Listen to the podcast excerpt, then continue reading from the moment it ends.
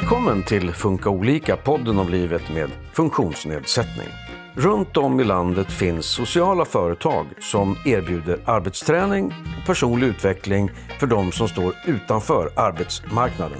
Vi träffar 34-åriga Nina Skåbalj som har autism och arbetstränar på en kreativ verkstad efter en längre sjukskrivning. Hur hjälper det henne? Hennes handledare Kristin Nyfält berättar även mer om hur arbetsträningen går till. Jag heter Susanne Smedberg. Välkommen Nina Skåbalj. Tack. Du är 34 år och har autism och arbetstränar på en kreativ verkstad som är en del av M29-gruppen. Välkommen också Kristin Nyfält. Tackar. Du är då handledare på den här kreativa verksamheten som Nina arbetstränar på. Och ni ingår i då det som heter M29-gruppen, som är ett arbetsintegrerat socialt företag. Vad innebär det, arbetsintegrerat socialt företag?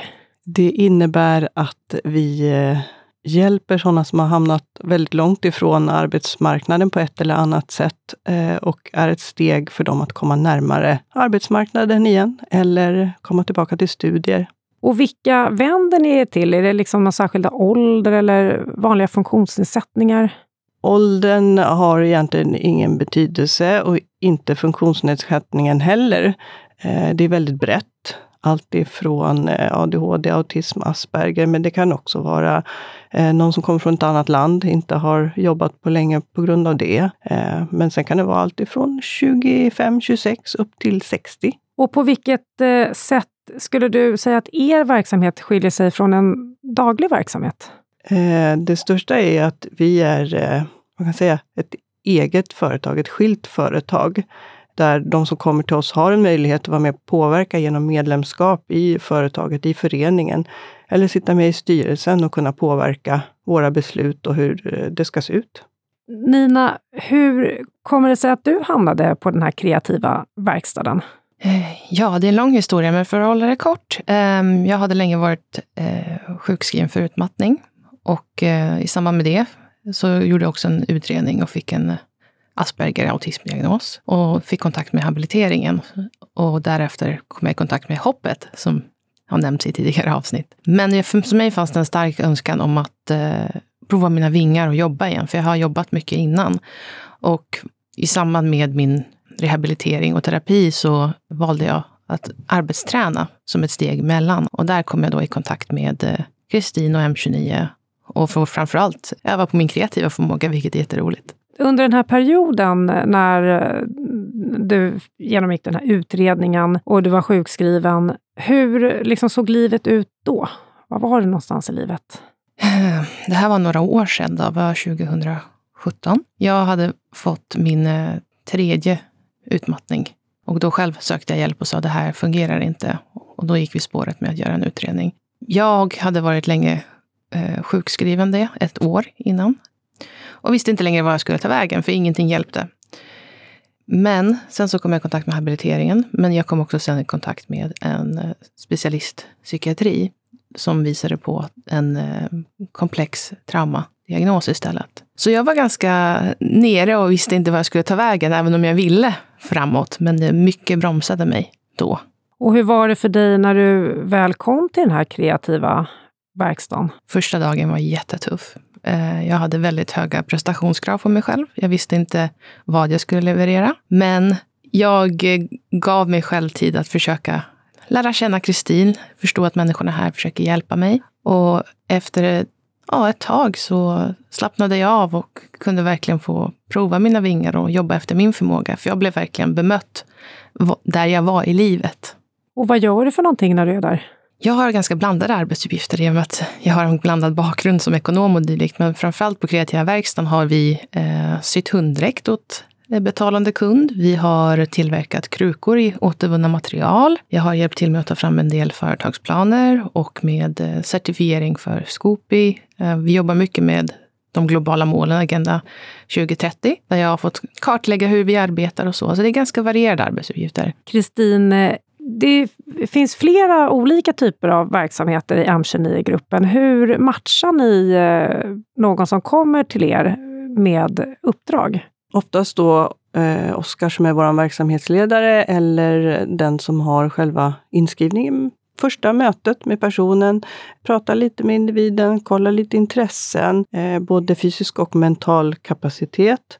Eh, och därefter eh, funderar vi på om det är fastighetsservice eh, som är eventuellt rätt eller om det är kreativa verkstaden eller om den kanske behöver vara på kaféet eller någon som är duktig på att sy. Då är det hantverkshuset som gäller. Eh, sen kan det ju vara så att efter en tid märker man att de behöver byta. Då finns det ju möjlighet till det. Och om man då till exempel är på den kreativa verkstaden eller på fastighetsservice, har man då uppdrag utifrån eller hur går liksom den delen till? Ja, eh, fastighetsservice har ju sina fasta uppdragsgivare oftast. Eh, de kan tömma sophus, de tömmer lägenheter, de på sommaren har de jättemycket trädgårdsarbete. På vintern blir det snöröjning och så vidare. Så eh, för dem är det lätt att få liksom fasta uppdrag. Eh, på kreativverkstaden, då är det ju önskvärt att personer, individer, alltså personligen eller företag hör av sig och ber om hjälp med olika uppdrag. Det kan vara allt ifrån sy gardiner till eh, laga en stol, bygga ett bord. Eh, vi jobbar väldigt mycket med remake, så vi försöker ju eh, reparera, laga, använda gamla tyger till att göra nya produkter. Som privatperson kan du gå in på M29 Socialt Företagscenter och skicka en förfrågan. Och de intäkterna går då in i verksamheten? Då går de in i verksamheten så att vi kan köpa nytt material, nya maskiner och få verksamheten att gå runt. För det är en evig kamp med att få materialet och pengarna att räcka till såklart. Och fastighetsservice, är det på uppdrag av kommunen då eller är det någon egen verksamhet ni har? Eh, fastighetsservice är en del av M29-gruppen. Det är olika organisationer men de har, eh, kan få uppdrag via kommunen eller någon annan insats. Det är olika. Vi hörde Nina här, men hur kan situationen för de som hamnar se ut? Vad leder till att de hamnar hos er så att säga? Det kan ju vara väldigt olika saker som gör att de hamnar hos oss. Sen beror det på vart de, vilken instans de kommer ifrån. Om det är via Försäkringskassan eller om det är eh, via Arbetsförmedlingen. Ibland är det Arbetsförmedlingen som knuffar på att nu måste du sätta igång med någonting. Men ibland är det som i Ninas fall, att man nästan själv trycker på att man vill ut och göra någonting. Sen är det ju väldigt olika beroende på vad man har för bakgrund. Hur mycket har jag i bagaget som gör hur pass mottagliga de är från början. Men för de flesta så tar det tid. Eh, ibland så säger man ju att ja, men hon ska upp i 40 timmar per vecka. Men vi vet mycket väl att man måste börja väldigt långsamt. Har ni samma tankar kring det som till exempel Arbetsförmedling eller Försäkringskassa? Eller hur, hur bestäms sådana saker som antal timmar till exempel? Det är alltid en dialog. Första gången vi ses, då får vi ju bara liksom känna av försöker få så mycket information som möjligt som personen vill dela med sig om sin bakgrund för att vi lättast ska kunna anpassa. Men sen har vi en dialog med eh, handläggare på Arbetsförmedling eller var de nu kommer ifrån. Och eh, eftersom vi är så vana nu när vi har jobbat med många så har vi sett vad som händer om det går för fort. Så om de säger, ja, som jag säger, 40 timmar, ja, då kan vi ganska snabbt säga att nej, men det är ingen bra idé, för jag vet att då kommer det slå tillbaka och då blir personen ännu mer osäker. Det är bättre att vi liksom tar en lugn takt. De måste hinna landa, de måste hitta hem, känna sig bekväma, skapa ett förtroende med oss innan man kan börja bygga på. Eh, och det är ju lite tanken också. De ska ut i arbetslivet. Hur mycket orkar de ifrån att ha gått på noll hemma? Så får de en chans hos oss att liksom känna efter. Hur mycket orkar jag? Vad är det som gör att jag inte orkar? Vad behöver jag för att orka? Hur eh, var det för dig då, Nina? Hur eh, många timmar hade du där i början? Jag började i maj eh, 2023. Ja, då började jag bara med, jag tror det var sex timmar, tre timmar åt gången, vid två tillfällen i veckan. Så ganska, ganska kort och ganska lite. För jag, jag räknades fortfarande som heltidssjukskriven. Och det här var mitt eget initiativ att komma ut och träffa människor och göra någonting. För man, man behöver göra någonting, finnas i ett sammanhang. Och med tiden har jag ökat det till 12 timmar. Så tre tillfällen i veckan. Men i början, eh, kände du att du ändå hanterade de här sex timmarna i veckan? Eller var det också någonting du var lite orolig för i början? Eller? Jag var orolig för det, för mitt problem var min energi och min ångest. Så, och det tog fruktansvärt mycket energi att vistas på en ny plats med alla nya intryck, alla nya människor och sen gå hem och bearbeta det. Men med tiden, när jag har hunnit anpassa mig och tänka igenom mitt schema och sådär, så har det gått bättre. Men mycket beror på dagsform. Mycket beror på hur ens egen rehabilitering går liksom med, med vårdgivare och så. Så det beror på vad man har för situation. I min situation är det framförallt eh, min hälsa som avgör. Och vad gör du övriga tiden? Eh, jag har en hund som jag gärna går ut med och spenderar mycket tid med. Det hjälper. Eh, träffar vänner, eh, går på mina vårdkontakter. Ja, sover mycket. Återhämtning. Kristin, utöver den här själva arbetsträningen, hur ser stödet från er ut? Är det någon annan typ av stöd man får när man är hos er? I största hand så är det ju arbetsträningen som är våran liksom, huvuduppgift. Men eh, man blir lite av en eh, kurator, en liten mentor, en vän, en eh, allt i allo skulle jag vilja säga. Och det är det som gör jobbet så roligt. Eh, utmanande, men vi försöker finnas där så mycket det går. Det är tufft ibland att behöva liksom dra en gräns. För vi skulle vilja göra så mycket, mycket mer såklart.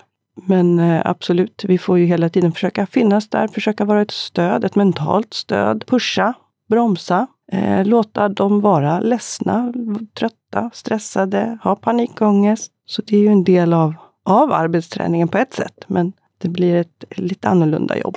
Hur har den delen varit för dig då Nina? Har du haft stöd i att kunna vara dig själv där med andra i samma situation? Absolut. För mig har det dock tagit tid att låta mig själv eh, slappna av och dela med mig hur jag mår. Det har varit förknippat mycket med skam med nu gör jag misstag, nu är jag stressad, nu kan jag inte fokusera.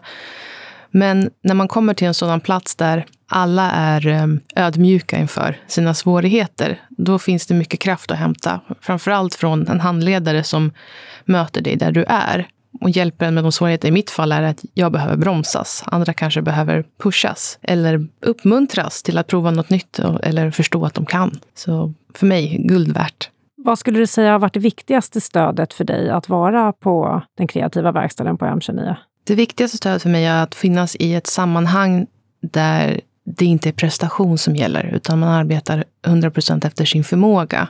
För mig har det varit viktigast.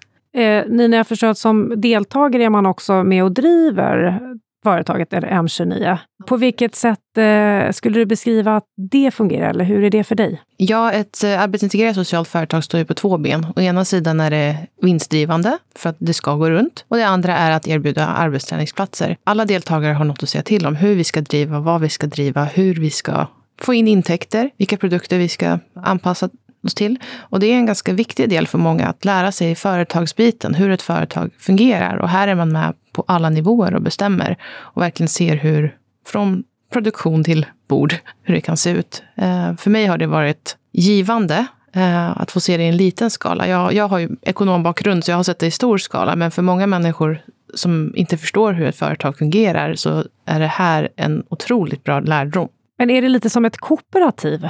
Ja, det är som ett kooperativ.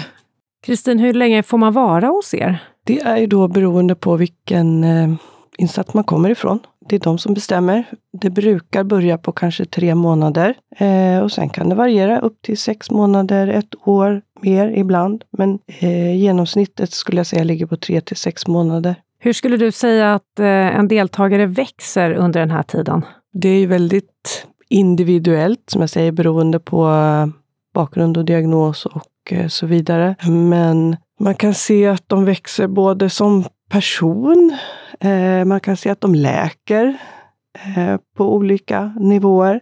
Många har kanske aldrig fått prova vissa saker. Man har blivit tillsagd att man inte kan, att man inte får. Och bara en sån sak, att då få en hammare i handen eller vad det nu kan vara och säga att kör, försök bara. Testa liksom. Det kan bli fel, gör om, gör rätt och växa i det. Vissa har svårt att bara se mig i ögonen dag ett. Alltså, sen när man ser dag 30 eller dag 60 så börjar man få kontakt och man får den här lilla glimten i ögat. Då ser man att liksom personligheten har växt enormt. Och även om den här personen inte skulle få jobb så ser jag ju att den har fått en otrolig skjuts i livet, i sin personliga insikt, i sitt välmående. Vad händer efter tiden hos er? Nej, det är ju såklart olika.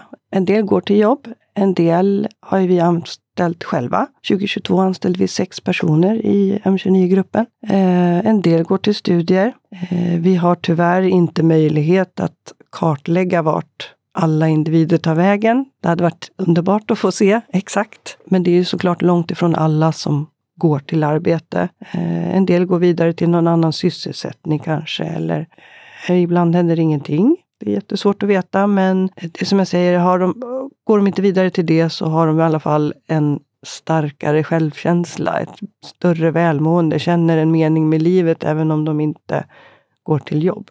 Det kan ju vara en arbetsskada, det kan vara eh, ja, vad som helst som gör att de inte kan gå till jobb. Och då har vi liksom varit med och tagit reda på det, vad det är som gör att de inte funkar. De som är hos er, hur ser ersättningen ut? Ersättningen bestäms utifrån eh, den verksamhet man kommer ifrån, om det är Försäkringskassan eller Samordningsförbundet. Eller, eh, det, så det är de som bestämmer summan som personen får. Vi som eller arbetsintegrerat företag får ju en ersättning per deltagare. Men det är inte vi som betalar ut till individen, utan det gör insatsen som de kommer ifrån. Och vad har du för ersättning, Nina? Jag räknas som heltidssjukskriven, så jag har Försäkringskassans sjukpenning. Vad tänker du framåt för din del då? Just nu är det lite osäkert eh, i samband med att jag nyligen hade en hjärnblödning. Men eh, jag hoppas att kunna få fortsätta arbetsträna och komma upp i en viss nivå och utveckla de förmågor där jag kan leverera. Och förhoppningsvis kommer det leda till ett arbete som jag kan försörja mig på. Du sa att du har varit ekonom tidigare. Det stämmer. Jag är utbildad civilekonom och jobbade tidigare inom bank och finans. Kommer du göra någonting annat nu efter tiden på den här kreativa verkstaden eller kommer du gå tillbaka till det du gjorde tidigare? Det återstår att se. Det får tiden avgöra när läkningen är inte klar än från eh, den medicinska sidan. Men därefter ska vi se vad jag kan bidra med. Hur mår du idag? Eh, det går upp och ner.